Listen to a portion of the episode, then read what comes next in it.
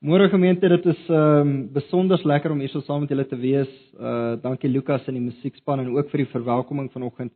Dis veral lekker om ook die gemeente agter van die gesigte te sien wat ons al mee te maak gehad het. Jakobus ken ons natuurlik. Die Jakobus en Lukas ken ons natuurlik van die Transmission netwerke waar klomp verskillende kerke bymekaar kom en ouens wat besig is met internskappe soos Lukas wat ons hulle oplei in die bediening. So dit is lekker om uiteindelik hierso te wees. Dit is lekker om hierso te mag kuier en dankie ook daarvoor. Dankie vir die voorreg wat ek en my vrou vanoggend saam met julle kan kan kan deel. Ehm um, vanoggend gaan ons bietjie kyk na 'n gelykenis wat Jesus vir sy disippels vertel het, 'n spesifieke gelykenis oor hoe om te bid. En dit is in as jy 'n Bybel het, kan jy hulle so lank daar oopmaak in Lukas 18. Ons gaan lees van vers 9 tot 14. So dis in Lukas 18 vers 9 tot 14.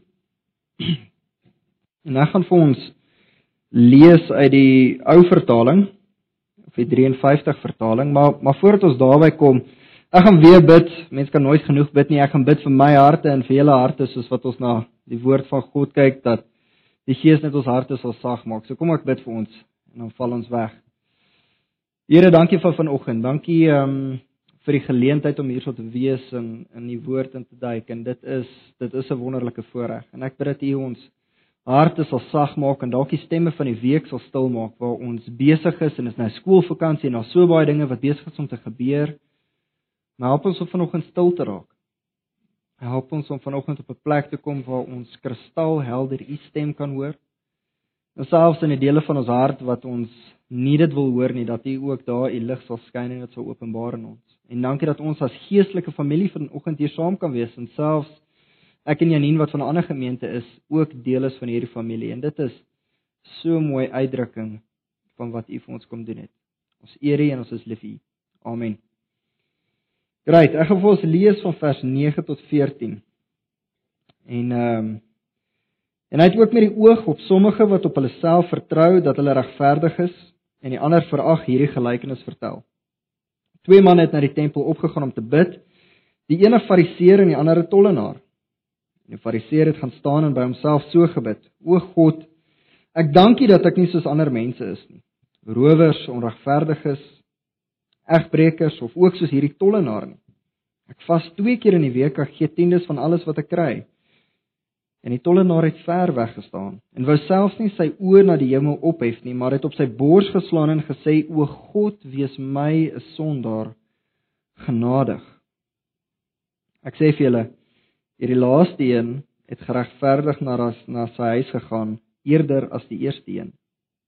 En elkeen wat op homself verhoog, sal verneder word, maar hy wat homself verneder, sal verhoog word.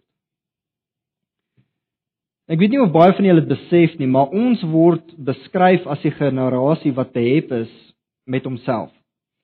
Ehm um, veral vir die sal dit agterkom wat baie betrokke is by sosiale media of dit nou Facebook of Twitter of op die internet of jy ongeag waar jy is, ons is 'n generasie wat behep is met onsself om die heeltyd ons eie opinies te kan lewer om ander mense te kan oortuig van wie en wat ons is en dat ons standpunte reg is Maar my vraag vanoggend is eerder as ons so behep is met onsself, wat gebeur wanneer die volstruis die windpomp tref? Wat wat gebeur wanneer jy in die moeilikheid is? Waarheen hardloop jy of na wie hardloop jy wanneer jy in die moeilikheid is? Die gevolg is van ons wat so behep is met onsself, ons wil onsself help. Ons word die selfhelp generasie en so jy kan na enige boekwinkel toe gaan. Daar is honderde boeke hoe jy jouself kan help. En dit het nie net in die wêreld daar buite gebeur en dit gebeur ook nou in Christendom wat ons die vraag begin vra, ons besef hier's moeilikheid. Ons besef ons het probleme veral tussen ons en God. Ons sien daar's hierdie sondes in my lewe en daar is hierdie gaping wat begin ontstaan tussen my en God. So hoe kan ek myself help? So wat ons probeer doen, ons probeer die nuutste boek te kry om in sewe stappe vir ons te wys hoe ons onsself kan help. My vraag is kan ons? Kan ons onsself help en kan ons regtig hierdie gaping wat tussen ons en God is oorbrug dat ons weer in 'n regstaande verhouding met God kan kom? En ek dink dis waaroor vanoggend se gelykenis spesifiek gaan gaan. Ehm um, ek dink hierdie is 'n gelykenis wat Jesus spesifiek vir sy disippels vertel het om vir hulle te wys waarheen hardloop jy wanneer jy in die moeilikheid is? Waarin hardloop jy om weer in 'n regstaande verhouding met God te kom? En so ons gaan daar inspring. Hierdie hierdie gelykenis is in 'n baie interessante plek in in die evangelie van Lukas. Hy's in die middel van 'n reeks ander gelykenisse en al hierdie gelykenisse wat Jesus vertel, vertel hy om vir sy gehoor in te lig wat is die koninkryk van God? Hoe lyk die koninkryk van God? Elke gelykenis gee 'n kenmerkende eienskap van hierdie nuwe koninkryk van God. Die wêreld probeer ons elkeen te oortuig ons is besig met ons eie koninkryke en jy is koning van jou eie koninkryk en hier kom Jesus en hulle breek hy breek bring kragtig die nuwe koninkryk van God en anderste as ons koninkryke kan daar net een koning wees in Jesus se koninkryk en dit is natuurlik hy self. En ehm um, net voor hierdie gelykenis het Jesus vir sy disippels 'n gelykenis vertel om hulle aan te moedig, hou aan bid boys. Ek weet dit is nou taaf. Dit voel moeilik. Ons gaan deur moeilike tye, maar hou aan bid. God sal vir julle geregtigheid bring. God sal julle regverdig maak. So julle moet gelowig bid. En hierdie gelykenis volg nou daarop om vir hulle te wys hoe lyk 'n gelowige gebed? Hoe lyk 'n gelowige gebed wat vertrou dat God sal kom en hy sal ons inderdaad kom red in hierdie penarie. So ek gaan baie aan vandag se gedeelte wees. So as jy jou Bybel daar naby jou het, oop op die gedeelte. Ons gaan stapsgewys deur die gelykenis stap en ons spring weg in vers 9. Reg aan die begin van die gelykenis, nog voordat ons by Jesus se eie woorde kom, sien ons Lukas gee vir ons skripnotas. Lukas net voor die gelykenis vertel word, gee hy vir ons eintlik al klaar die hoofboodskap van hierdie gelykenis. In vers 9 dan sê hy Jesus het hierdie gelykenis vertel met die oog op sommige wat op hulle self vertrou het dat hulle regverdig is en ander met minagting behandel het. In hierdie gelykenis sien ons hy twee karakters, dit is 'n fariseer en dit is 'n tollenaar. 'n Tollenaar is iemand wat belasting ingevorder het. En Jesus se gehoor is op hierdie stadium sy disippels. So is nie ouens buite die kerk nie, is nie ouens wat nie glo in Jesus nie, is sy disippels, die 12 wat hy gekies het en ook ander wat besluit het om te volg en hulle staan daar en hulle is in afwagting oor hierdie volgende gelykenis. Soos in vers 10. So twee mans was op pad om by die tempel te gaan bid, soos wat goeie Jode gereeld gedoen het, hulle het gaan bid. Die eerste man is 'n Fariseer. Hierdie is 'n man met aansien in die samelewing. Hierdie is 'n genuine goeie mens. Ehm um, dis presies hy van wie die ou tannies by die koffietafel van praat en sê daai is 'n goeie seun. Hy's elke Sondag by die kerk, hy help by die sopkombuis. Hierdie dis 'n goeie seun, dis 'n groot Christen daai. sien hom elke Sondag. Die Fariseer is op pad om te gaan bid en net voordat hy soos gewoonte nou gaan staan om te bid, vang hy uit die kant van sy oog 'n tollenaar wat ook kom kom bid. En hy dink eers hy misgis homself en hy loer en hy sê nie hy het reg gesien is 'n tollenaar en hy moet seker by homself dink, is hierdie man kens? Besef hy hierdie dis nie die plaaslike kroeg nie, dis die tempel. Dis Sondag, hy kom bid nou by die tempel, maar hy gaan homself nie van stryk laat bring nie en hy gaan verder om te bid en in vers 12 of vers 11 sien ons en hy begin bid en hy sê God dankie. Dankie dat ek so goeie mens is. Dankie dat ek nie 'n mens is wat ander mense uitbuit nie dat ek nie onregverdig is nie. Dankie dat ek nie rondslaap nie, maar veral dankie dat ek nie so sleg is soos hierdie tollenaar wat net hier diskant my staan nie. En hy gaan verder in vers 12 en hy verduidelik verder hoekom hy so dankbaar is, verder hoekom hy eintlik so goeie mens is. En hy sê in vers 12 hy vas 2 keer per week. Hy gee tiendes van alles wat hy het en om dit goed te kan verstaan, die wet in daardie tyd het vereis dat jy ten minste een keer 'n jaar vas. En jy moes tiendes gee net van jou opbrengs, maar hierdie fariseer gaan above and beyond. Hy vas sommer twee keer 'n week. Hy gee tiendes van alles wat hy het, nie net van sy opbrengs nie, hy sal van sy krye self tiendes uit uitmeet en dit ook vir God gee. So hierdie man, hy is die model Christen, seker sekerlik. Hierdie waarskynlik die man van wie Jesus gepraat het toe hy gesê het: "Julle moet gelowig bid en julle moet bid vir geregtigheid." En dan kom ons by die tollenaar. Nou die tollenaar in daardie tyd was nie die gel mees geliefkoeste mense in die samelewing gewees nie. Kyk die Jode in Jerusalem in daardie tyd was onder Romeinse regering gewees en hierdie Romeine het van hulle verwag om bo hulle normale belasting moes hulle nog belasting vir die Romeine ook betaal het. Nou tollenaars was Jode wat vir die Romeine gewerk het om by hulle eie mense belasting in te vorder en dan het hulle nog so 'n bietjie op die kant vir hulle self ook afgekrap. So jy kan dink hulle was nie baie lief vir hierdie mense gewees nie. Tollenaars was definitief nie die gunsteling mense in die samelewing samelewing gewees nie. Uh, vers 13 hierdie ellendige ou. Ek kan verstaan dat die tollenaar daar een kan staan en bid. Hy, hy het nie hy het nie eers moed om sy oë te lig na die hemel nie. Hy het nie eers moed om naby aan die ander mense te kom om daar te kan bid nie. Hierdie is amper sy laaste desperate poging om by God uit te kom en hy kry dit net reg om een sin oor sy lippe te prewel. God wees my 'n sondaar genadig. En dis dit. Nie 'n lang teologiese verduideliking van hoekom hy God se guns verdien nie. Geen verduideliking hoekom God hom enigsins vergifnis verskuldig is nie. Net daai een sin. Die interessante ding is net een van hierdie twee mense is geregverdig of Engels sê justified huis toe gegaan. Nou hierdie woord geregverdig was 'n woord wat baie in die in die howe daardie tyd of in die juridiese stelsel daardie tyd gebruik was. Dit was 'n woord wat 'n regter gebruik het wanneer hy iemand van sy skuld kwytgeskel het. So as gevolg van sonde is daar hierdie skuld tussen ons en God. En ehm um, wat Jesus basies sê met hierdie woorde is dat daardie skuld wat tussen hierdie persoon en God is, is nou kwytgeskel. En die skokkende ding van hierdie storie, veral vir Jesus se gehoor sy disippels wat nou hier so sit en luister, is dis nie die persoon wie hulle gedink het dit sal wees nie. Vers 14 in die nuwe vertaling sê dit eintlik goed. Jesus sê die tollenaar het huis toe gegaan en sy saak met God was reg. Hoekom? Hoekom die tollenaar? Hoekom nie ten minste die tollenaar en die fariseer nie? Veral as jy kyk na die dinge wat die fariseer bid. Ek bedoel dis dis goeie dinge waarvoor hy bid. Hy is dankbaar dat hy nie 'n slegte mens is nie. Hy is dankbaar dat hy nie ander mense uitbuit nie. Hy is dankbaar dat hy nie rondslaap nie. Hierdie is goeie dinge waarvoor ons ook voor kan dankbaar wees. Dis amper asof dit nie sin maak hoekom 'n tollenaar eerder geregverdig sal wees nie.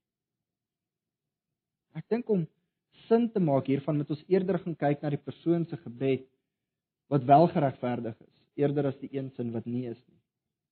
So kom ons kyk weer. Kom ons kyk weer na die tollenaar se gebed in vers 13. Ek lees vir ons en die tollenaar het ver weg gestaan en wou selfs nie sy oë na die hemel ophef nie. Maar het op sy bors geslaan en gesê: "O God, wees my 'n sondaar genadig." Ek dink daar's twee baie belangrike dinge wat ons moet raak sien in hierdie gebed van die tollenaar. En die eerste ding is is 'n duidelike erkenning van sy sondigheid.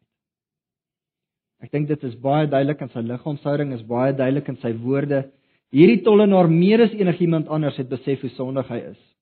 Hy het niemand gehad om vir hom te sê hoe sleg hy regtig is nie en hy kom gebukkend, hy sommer daar een kant, hy mag nie saam met die goeie Christene gaan staan nie en hy kan net uitroep vir genade by God.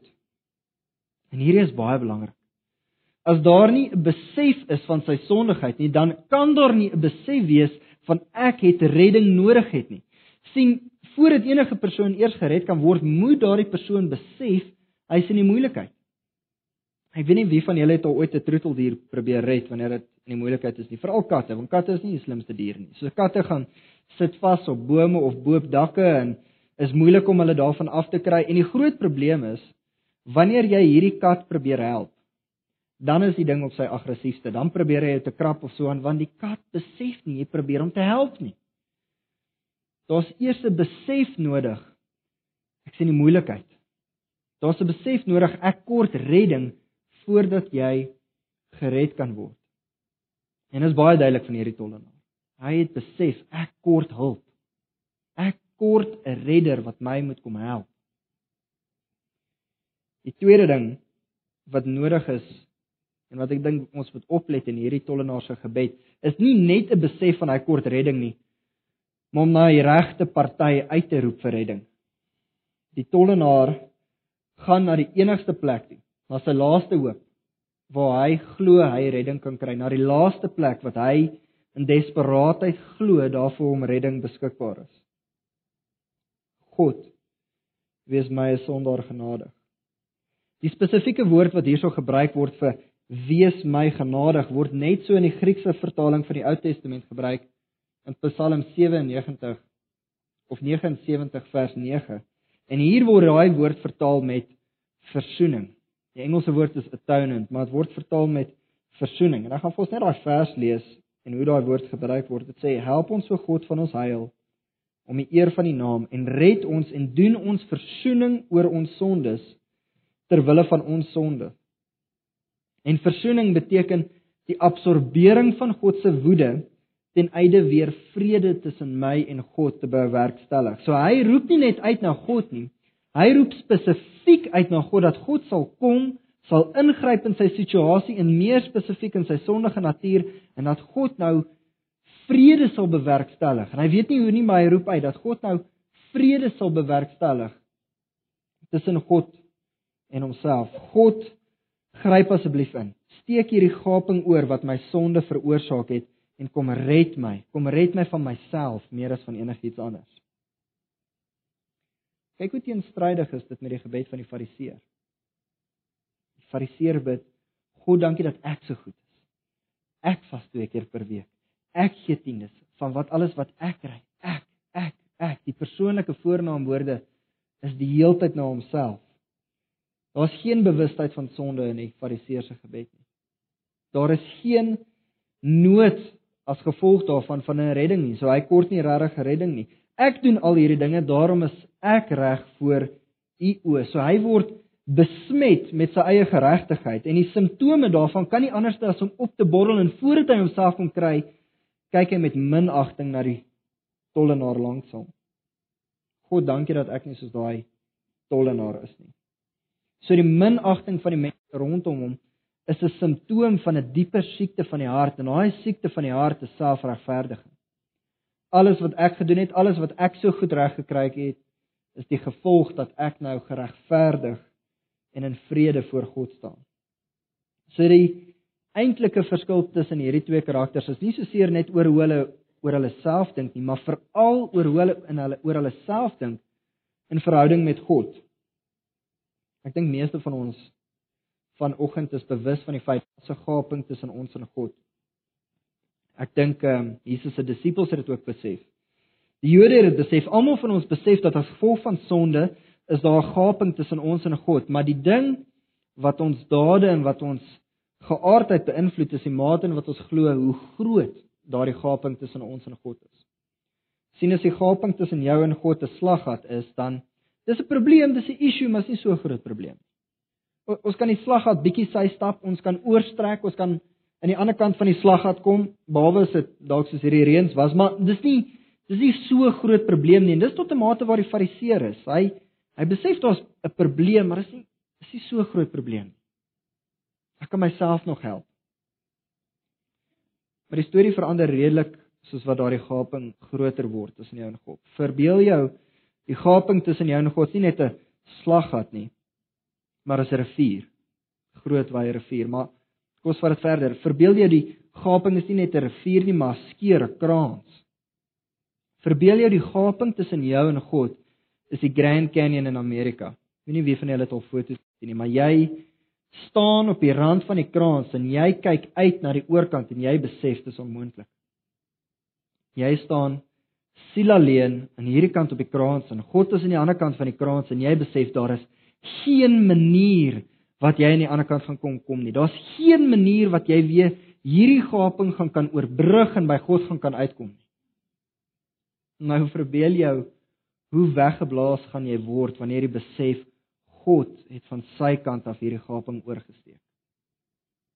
Verbeel jou as jy agterkom, God het nie net hierdie gaping oorgesteek nie, maar hy het kom ingryp, kom ingryp in jou situasie en hy het kom redding bring vir dit waar jy nou is. En die bewys van dit, die bewys van God wat ingegryp het, is Jesus wat nou vir hulle storie vertel. Jesus is God wat hierdie gaping oorgesteek het. Jesus wat nou daar met hulle praat, is God wat ons nie alleen gelaat het in ons eie sondigheid nie, maar fisies daardie gaping oorgesteek het in sy kruisiging en opstanding is nie net sy ingrype nie, maar is die redding wat hy nou vir ons gebring het in hierdie kant van die kraans. En die tollenaar roep uit na God vir verzoening en God bewerkstellig dit met Jesus wat nou daar staan. En Jesus sê vertrou op my. Bid tot my. Bid dat ek vir julle geregtigheid kan bring.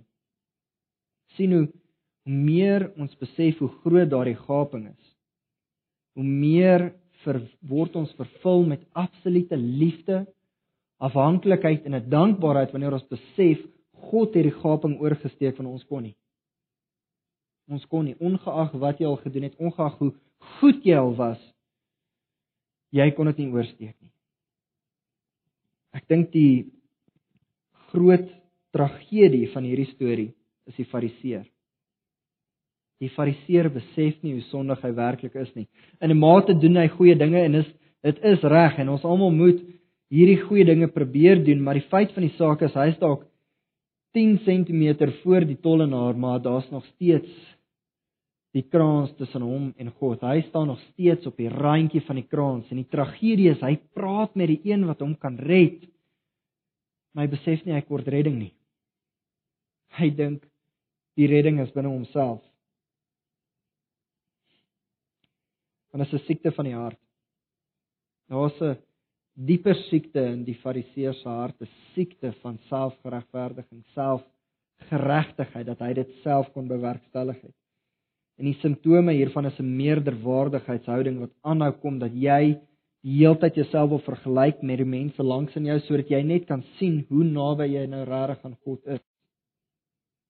En ons begin en hanteer mense rondom hom met minagting. Want hy verdien waar hy is. Dis deur sy verdienste waar hy is waar hy nou is. So wat beteken dit vir ons vandag?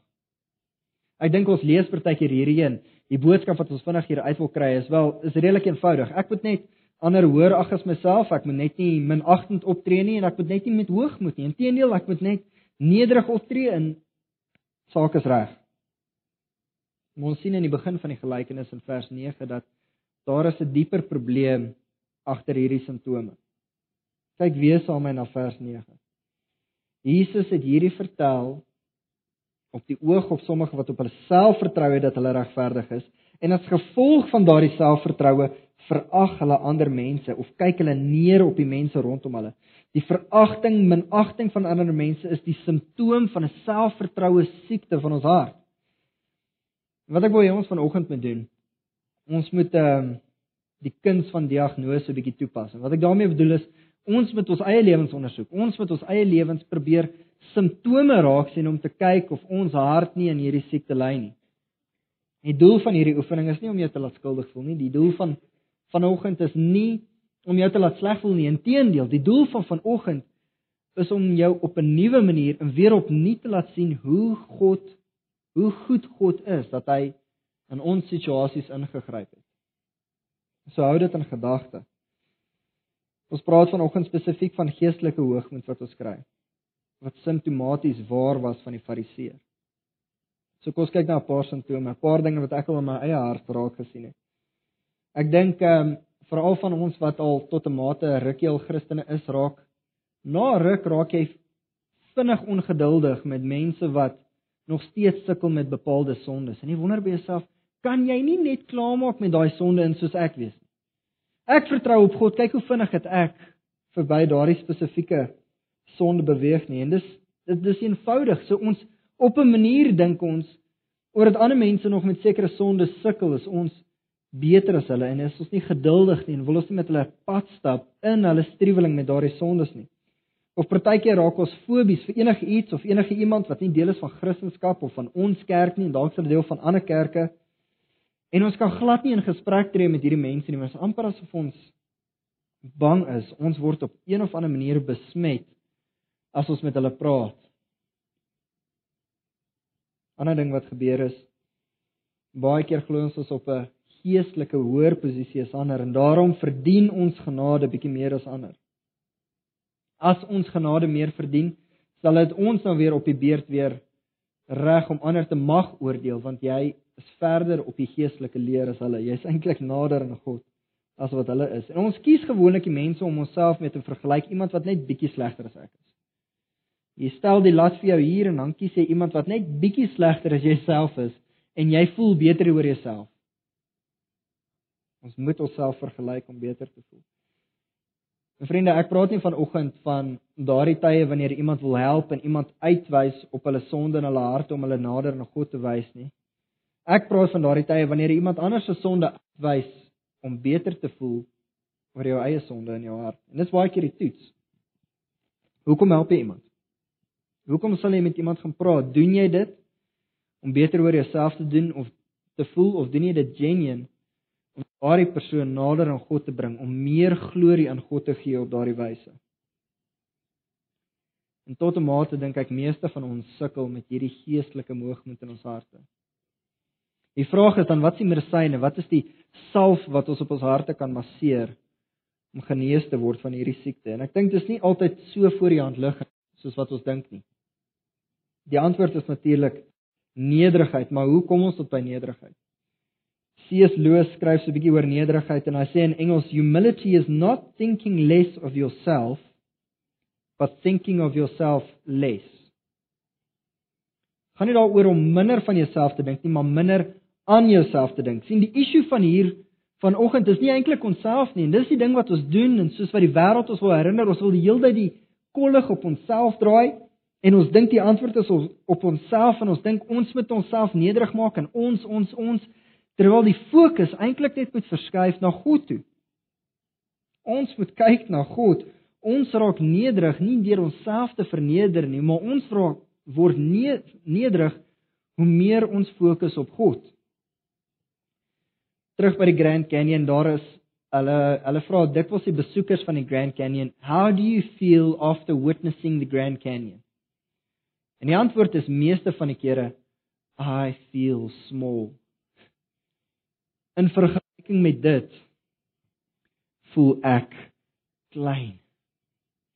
En dit is dieselfde met God. Hoe meer ons die fokus op God sit, hoe meer kom ons agter wie ons is in vergelyking met hom.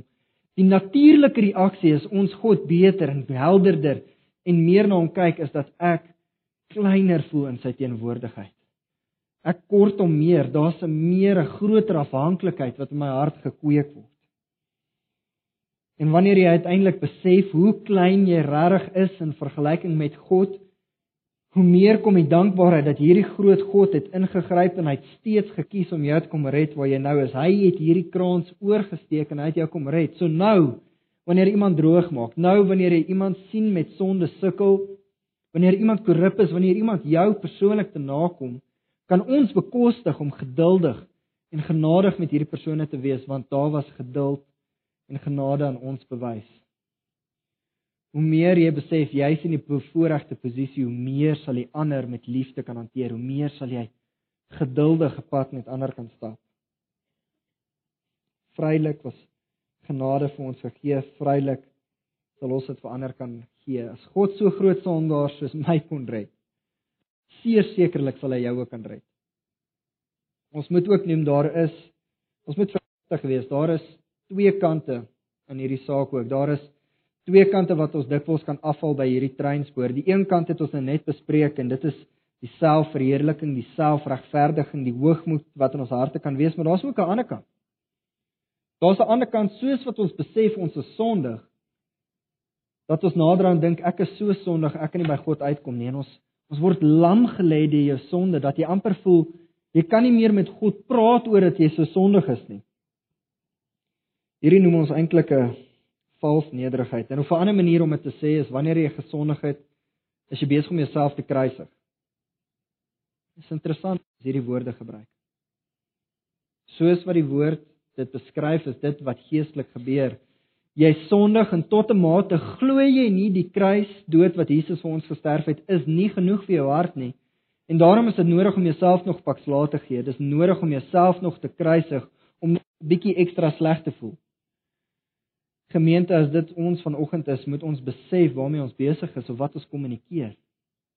Ons sê daardeur Jesus se dood was nie genoeg nie. Die oorstrek van die kraans was nie goed genoeg nie en ek moet nog 'n bietjie help. Ek moet myself nog 'n bietjie straf. Neem 'n les by die tollenaar. Die tollenaar ten spyte van wie hy was, hy weet hoe sleg hy was. Ten spyte van wat die gemeenskap van hom gedink het, het hy geweet God kan verzoening bring, so hy het steeds opgeloop tempel toe. Verby almal wat gekyk het, verby al die stemme in sy hart wat gesê het jy verdien dit nie, het hy steeds gegaan en gepleit by die een wat hom verzoening kon gee. Ehm, um, dalk is jy vanoggend hierso en jy's bietjie skepties.